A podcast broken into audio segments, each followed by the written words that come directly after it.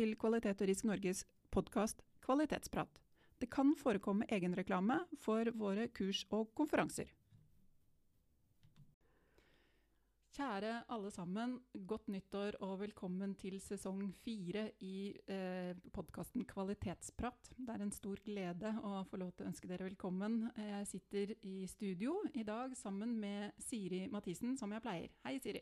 Hei, Sissel. Godt å være tilbake igjen. Yes. Eh, vi har eh, en del etter hvert fått ganske mange eh, lyttere. Vi har hatt 10 000 avspillinger i løpet av 2020, så det er vi jo superstolte av. Veldig fornøyd med det. Og en av våre trofaste lyttere hun har hørt en av våre podkaster før om destruktiv eller ødeleggende lederskap, og så lurte hun litt på om ikke vi kunne snakke mer om det, eller egentlig mer om drittsekker. Så det er jo liksom et hyggelig tema å starte året med. ja, det var disse drittsekkene, da. Mm. Ja, det er jo veldig synd at noen etterspør egentlig mer informasjon på det, for det tar jeg som et tegn på at man kanskje opplever å ha noen sånne på jobben. Mm. Så jeg har vel stort sett vært så heldig at jeg ikke har hatt veldig mange av de rundt meg. Men uh, man ser jo og hører noen episoder om, om, det som jeg mistenker kan være disse drittsekkene vi skal snakke om, da. Ja. Det er fordi uh, jeg har um, jeg har på en måte satt meg litt inn i dette. her, og det er en, Jeg tror kanskje jeg nevnte det forrige gang også, det er en bok av Bob Sutton som heter 'The No Asshole Rule'. Eh, som eh, forteller veldig mye om hva som skjer når man har enkeltpersoner på jobben som lager veldig mye støy og veldig mye uhygge, og liksom gjør stemningen generelt veldig dårlig. Og det er klart at det det skjer veldig mange steder. Det finnes jo andre bøker òg. Vi har sånn som 'Omgitt av idioter' og en del andre populære bøker som kanskje vel så mye peker tilbake på deg sjøl, som sier at ja, men det er ikke nødvendigvis de folka rundt deg som er drittsekker, men hvordan du tar det. Men jeg tror det er en sannhet med modifikasjoner. Det er nok litt eh, Jeg tror sånn både òg, for det er noe med uh, vi har, Som mennesker så har vi forskjellige strategier på hvordan vi uh, møter utfordringer, hvordan vi tar tak i ting. Vi har forskjellige Altså Noen kaller det bare personligheter. da. Men det er en ulik strategi ofte som ligger bak. altså liksom Jeg vil approache på én måte, og du på en annen måte. Og så blir det en konflikt fordi at vi ikke ser at vi jobber egentlig for samme sak. Mm. nødvendigvis. Men så er det spørsmålet er det det som foregår, eller er det noe dypere at man prøver å kalle det sabotere litt, eller Eh, om man enten er ubevisst sabotør, eller om man er en bevisst sabotør. Mm. Det, Bob Sutton kaller det for om man er sertifisert drittsekk eller bare ubetenksom i øyeblikket. Ja. og det å være ubetenksom i øyeblikket, det tror jeg alle kan være. At på et eller annet tidspunkt man, man smeller tilbake med en eller annen kommentar, eh, sier, et kommenterer, sier noe som kanskje virker sårende på den andre, og som der og da var liksom feil ting å si. Det tror jeg alle opplever, og det skjer med alle. Men så er det liksom spørsmålet da eh, reflekterer man selv over at Oi, nå sa jeg noe dumt. Oi, dette her Unnskyld, det var virkelig ikke meningen. Altså, Er man rede til å ta den og si det at du, my bad, altså? Eller er det sånn at man da eh, har et gjennomgående mønster med gjentatte episoder der en eller flere av dine kolleger har endt opp med å føle seg fornedret, nedtrykt, ydmyket, ikke respektert, undertrykt, tappet for energi og generelt synes verre om seg selv, som da er definisjonen på en sertifisert drittsekk. Men er det å bruke masse hersketeknikk, er det det vi egentlig snakker om? Ja. Hersketeknikker er jo ikke altså Ofte så er jo hersketeknikker noe som en person på et høyere nivå i organisasjonen bruker overfor en person på et lavere nivå. Men de moderne hersketeknikkene, det som liksom har kommet etter hvert eh, sånn inn eh, Ikke disse tradisjonelle til Berit Aas, men disse andre som har kommet inn nå de siste årene, det kan like gjerne virke mellom kolleger. Som å nei, nå må ikke du grave deg ned Du graver deg alltid ned i detaljer. og nei, Her må vi ta et helikopterperspektiv. Altså Den dagen du kommer der og sier, eh, tar helikopterperspektivet, så sier kollegaen nei, du unnskyld meg, the devil's in the details. altså Sånne type ting som, som det gjelder. Ja, du som er så bruker sånne, Det er litt sånn interessant å bruke eh, komplimenter. Og du som skriver så pent, kan ikke du ta ta referatet. ja. Manipulere seg frem til uh, å slippe unna oppgaver og sånt noe? Ja, eller liksom overlate kjedelige oppgaver til andre. Kan ikke du som er så rask i ben, kan ikke du løpe og hente kaffen? Ja. ja. Så det, om det er, er være sertifisert drittsekk, det vet jeg ikke. Men altså, det, det, er liksom når det er gjentatte episoder, og det er et gjennomgående mønster, og den motparten sitter igjen og føler seg som en ordentlig ikke Føler dårligere om seg sjøl, ja. Det går liksom forbi Det er ikke mobbing heller, vet du.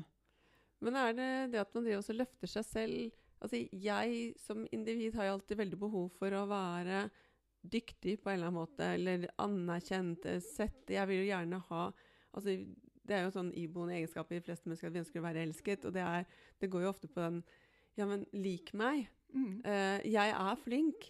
Og noen hevder seg jo selv og, og, er flinke ved at de holder andre nede. Det blir sånn, sånn Beste måten å gjøre seg selv flink på, er å holde andre uh, litt ja, der nede, sånn at de ikke på en måte får blomstre.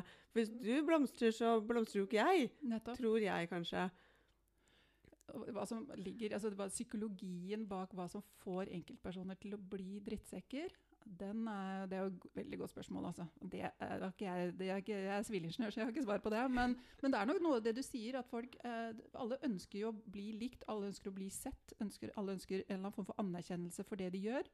Så er det kanskje hvis de føler at, den anerkjennelsen, at de ikke får den anerkjennelsen som de kanskje selv mener de fortjener, eller at de eh, selv eh, har et litt sånn kanskje forvridd bilde av sin egen kompetanse eller evner til å gjøre et stykke arbeid. Eh, og så er liksom alle andre for alle anerkjennelsen, så blir man til slutt ganske bitter og sur. Og det kan, da man går rundt her bitter og sur og litt sliten og litt lei, så blir det jo til at man ofte er læsjer ut mot de andre, da. Mm. Mm. Tenkte, vi snakka jo akkurat før vi begynte med opptak, så snakka vi om dette med Altså, er dette av de 17% som ofte er aktivt eh, engasjerte i jobben og ønsker jobben vel, eh, som kan bli sånne drittsekker fordi de, de mener at deres, ene, deres, måte er den ene rette måten? Eller er det av de kan litt sånn passive i midten som driver og smeller til hverandre? Sikkert noen av alle sammen, altså, men Eller den siste delen som også er disse aktivt eh, altså, som egentlig motarbeider virksomheten aktivt på en eller annen måte, nesten. Du, altså, aktivt uengasjerte, det er jo den kategorien som bare går på jobb bare for å helst bare tjene penger og vil egentlig ikke være der. Eh, de kan jo selvfølgelig bli destruktive, eller de kan jo bli drittsekker, de, hvis de eh, blir nok lei eller nok uengasjert. Eh, det er litt avhengig av om de er litt sånn utadgående eller utadvendte og, og, og, babler for mye og står og klager og lager sånn kos med misnøye ved kaffemaskinen. Eh, hvis de er den typen som både sitter der og er veldig flink til å sutre og klage, eh, samtidig som de ikke gidder å gjøre noen verdens ting, så er jo det absolutt en kategori. Så er det jo kanskje de også som er aktivt engasjert og kanskje er uenig i veivalget eller uenig i strategien, eller tenker at nå er vi på helt feil eh, planet. Vi skulle jo gått en helt annen vei. Og så lager de veldig mye eh, bøll og misnøye og sånne ting. Så, som du hører om folk som er veldig uenig i valg av ledere eller ledelse, eller valg av vei videre, eller hva det nå enn måtte være, som begynner å skrive brev og klager og varsler til styret og lager et vanvittig holoi, de er jo på en måte engasjert, da. Aktivt ja. engasjert. Men det blir destruktivt, på en måte. Det blir ødeleggende. Istedenfor å være med på å bygge, så bygger de heller ned. Ja. Og det høres jo for meg sånn Dette her er jo noe som koster Først koster jo ledelsen veldig mye å skulle rydde opp. Altså, ta tak, det ene er jo også å klare å se hvem disse menneskene er, og begynne også å følge opp med de menneskene. Enten det er å gi dem anerkjennelse når de gjør noe riktig, da, og eventuelt ta tak i dem når, de, når ting går feil vei, sånn at de ikke på en måte plager de andre. Hvis det er mulig, eller hva, hva, kan man gjøre for noe, Jens, du som har satt deg inn Ja, du må Du som har fasiten. Nei, jeg har ikke fasiten, men altså Og det her er problemet. Det er her veldig mye av problemet ligger. Fordi vi har for mange ledere som er redde for å ta den samtalen. De ser spiren av at en person kan begynne å bli konfliktfylt, og så gjør de ikke noe med det. Det er som å ha en uh, unge eller en hund som uh, hvis du, si du har en, en, hund da, som driver og begynner å forsyne seg eller begynner å tigge eller gjør ting som de, du ikke ønsker at det skal gjøre, og så Hvis du da ikke tar tak i det, så vil det problemet bare eskalere. Og Sånn er det litt på arbeidsplassen òg. Hvis du, er, du ser spiren av et problem, hvis du ikke du som leder er ganske på, tar tak i dette her, gir klare tilbakemeldinger, gir en tydelighet i hva som er greit og ikke greit. Bruke verdiene, det kulturelle lammeverket, det som vi har blitt enige om, politikken vår, eh, veien videre.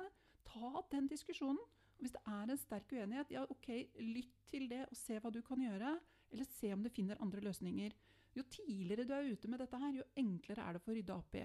Så det, det er litt av manglende ledelse. fordi at lederne tør ikke, vil ikke, det er ubehagelig, det er vanskelig, det er en uh, tøff samtale å ta. Og så lar de ting bare gli, og så blir det ikke bedre. Det blir ikke bedre av seg sjøl. Men Sissel, jeg er helt, helt enig med deg.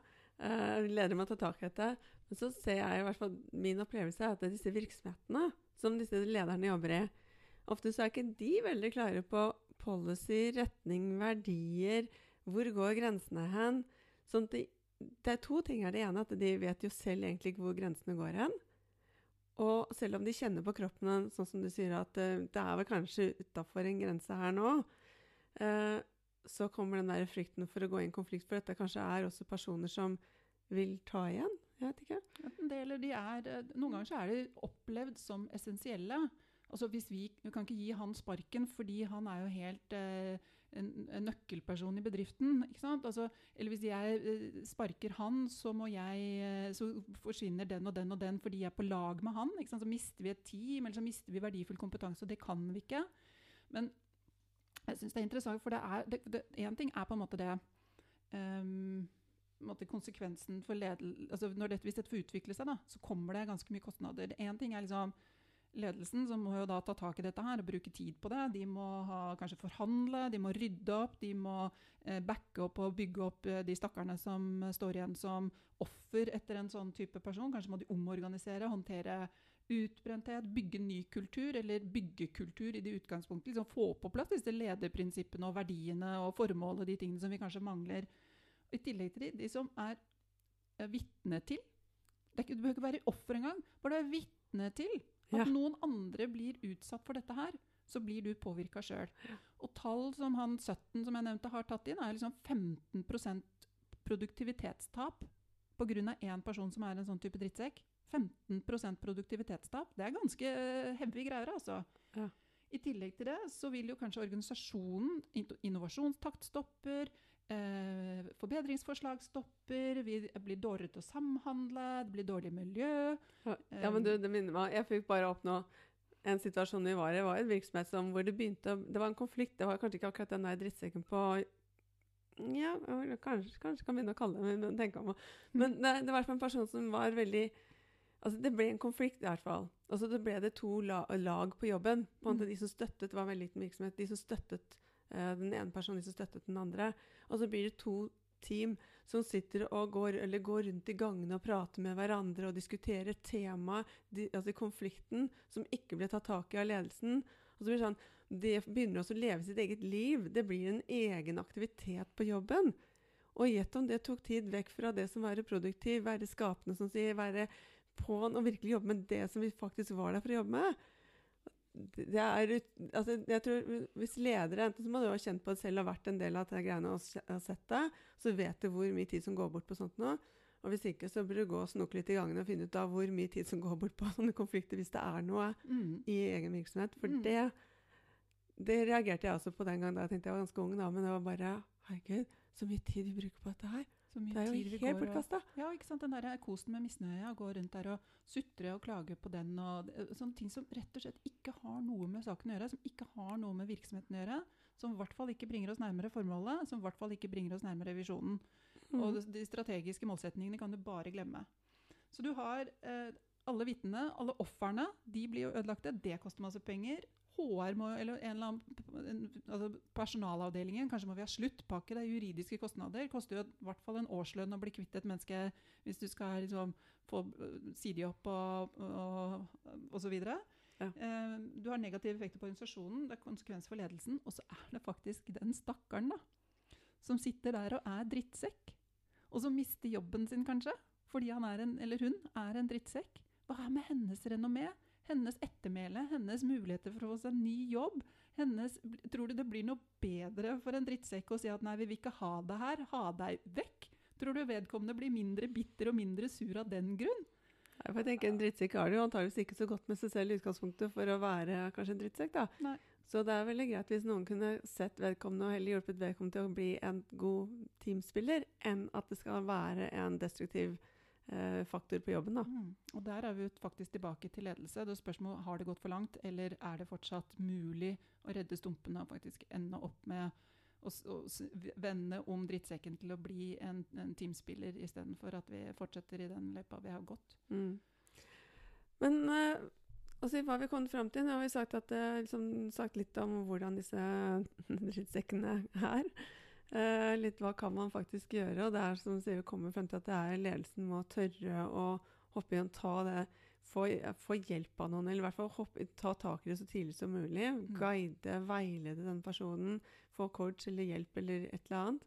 Og kanskje en, en, egentlig aller først, uh, uansett om du har drittsekk eller ikke, pass nå på at du har avtalte spilleregler. Hva er våre verdier? Hva er vår politikk? Hva er vårt formål? Dette har vi snakka så mye om tidligere episoder i podkasten, så er det bare å gå tilbake og finne tilbake de episodene. Få det greiene der på plass.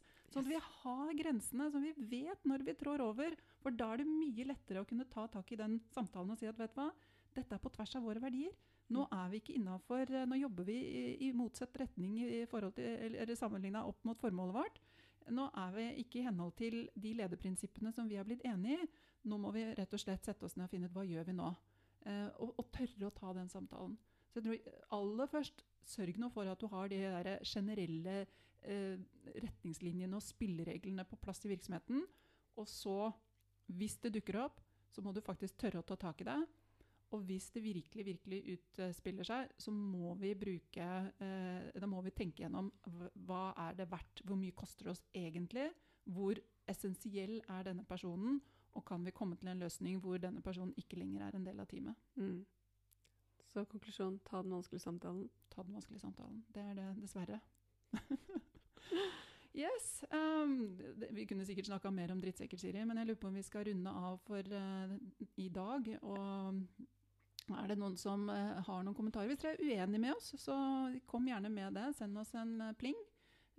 hvis dere er, trenger noe mer stoff på det, så er det bare å si fra, så skal vi dele det vi har av materiale. Det finnes masse spennende materiale på dette her, enten det er i form av artikler eller bøker. eller sånt. Så det er bare å spørre, så skal vi hjelpe dere med litteratur. Ja. Yes, Da sier vi takk for i dag. Ja, takk for i dag, dere. Ha det bra. Ha det. Programledere for denne podkasten var Siri Mathisen og Sissel Storås. Uh, ansvarlig produsent er Torolf Paulshus. Produsent er Bent Vigeland. Administrativt Anlegg Åstad. Musikk Karsten Boe. Studio har vært i KRN sine lokaler i Sandvika, og vi har fått teknisk bistand fra Jakob Storås hos S-Media ungdomsbedrift.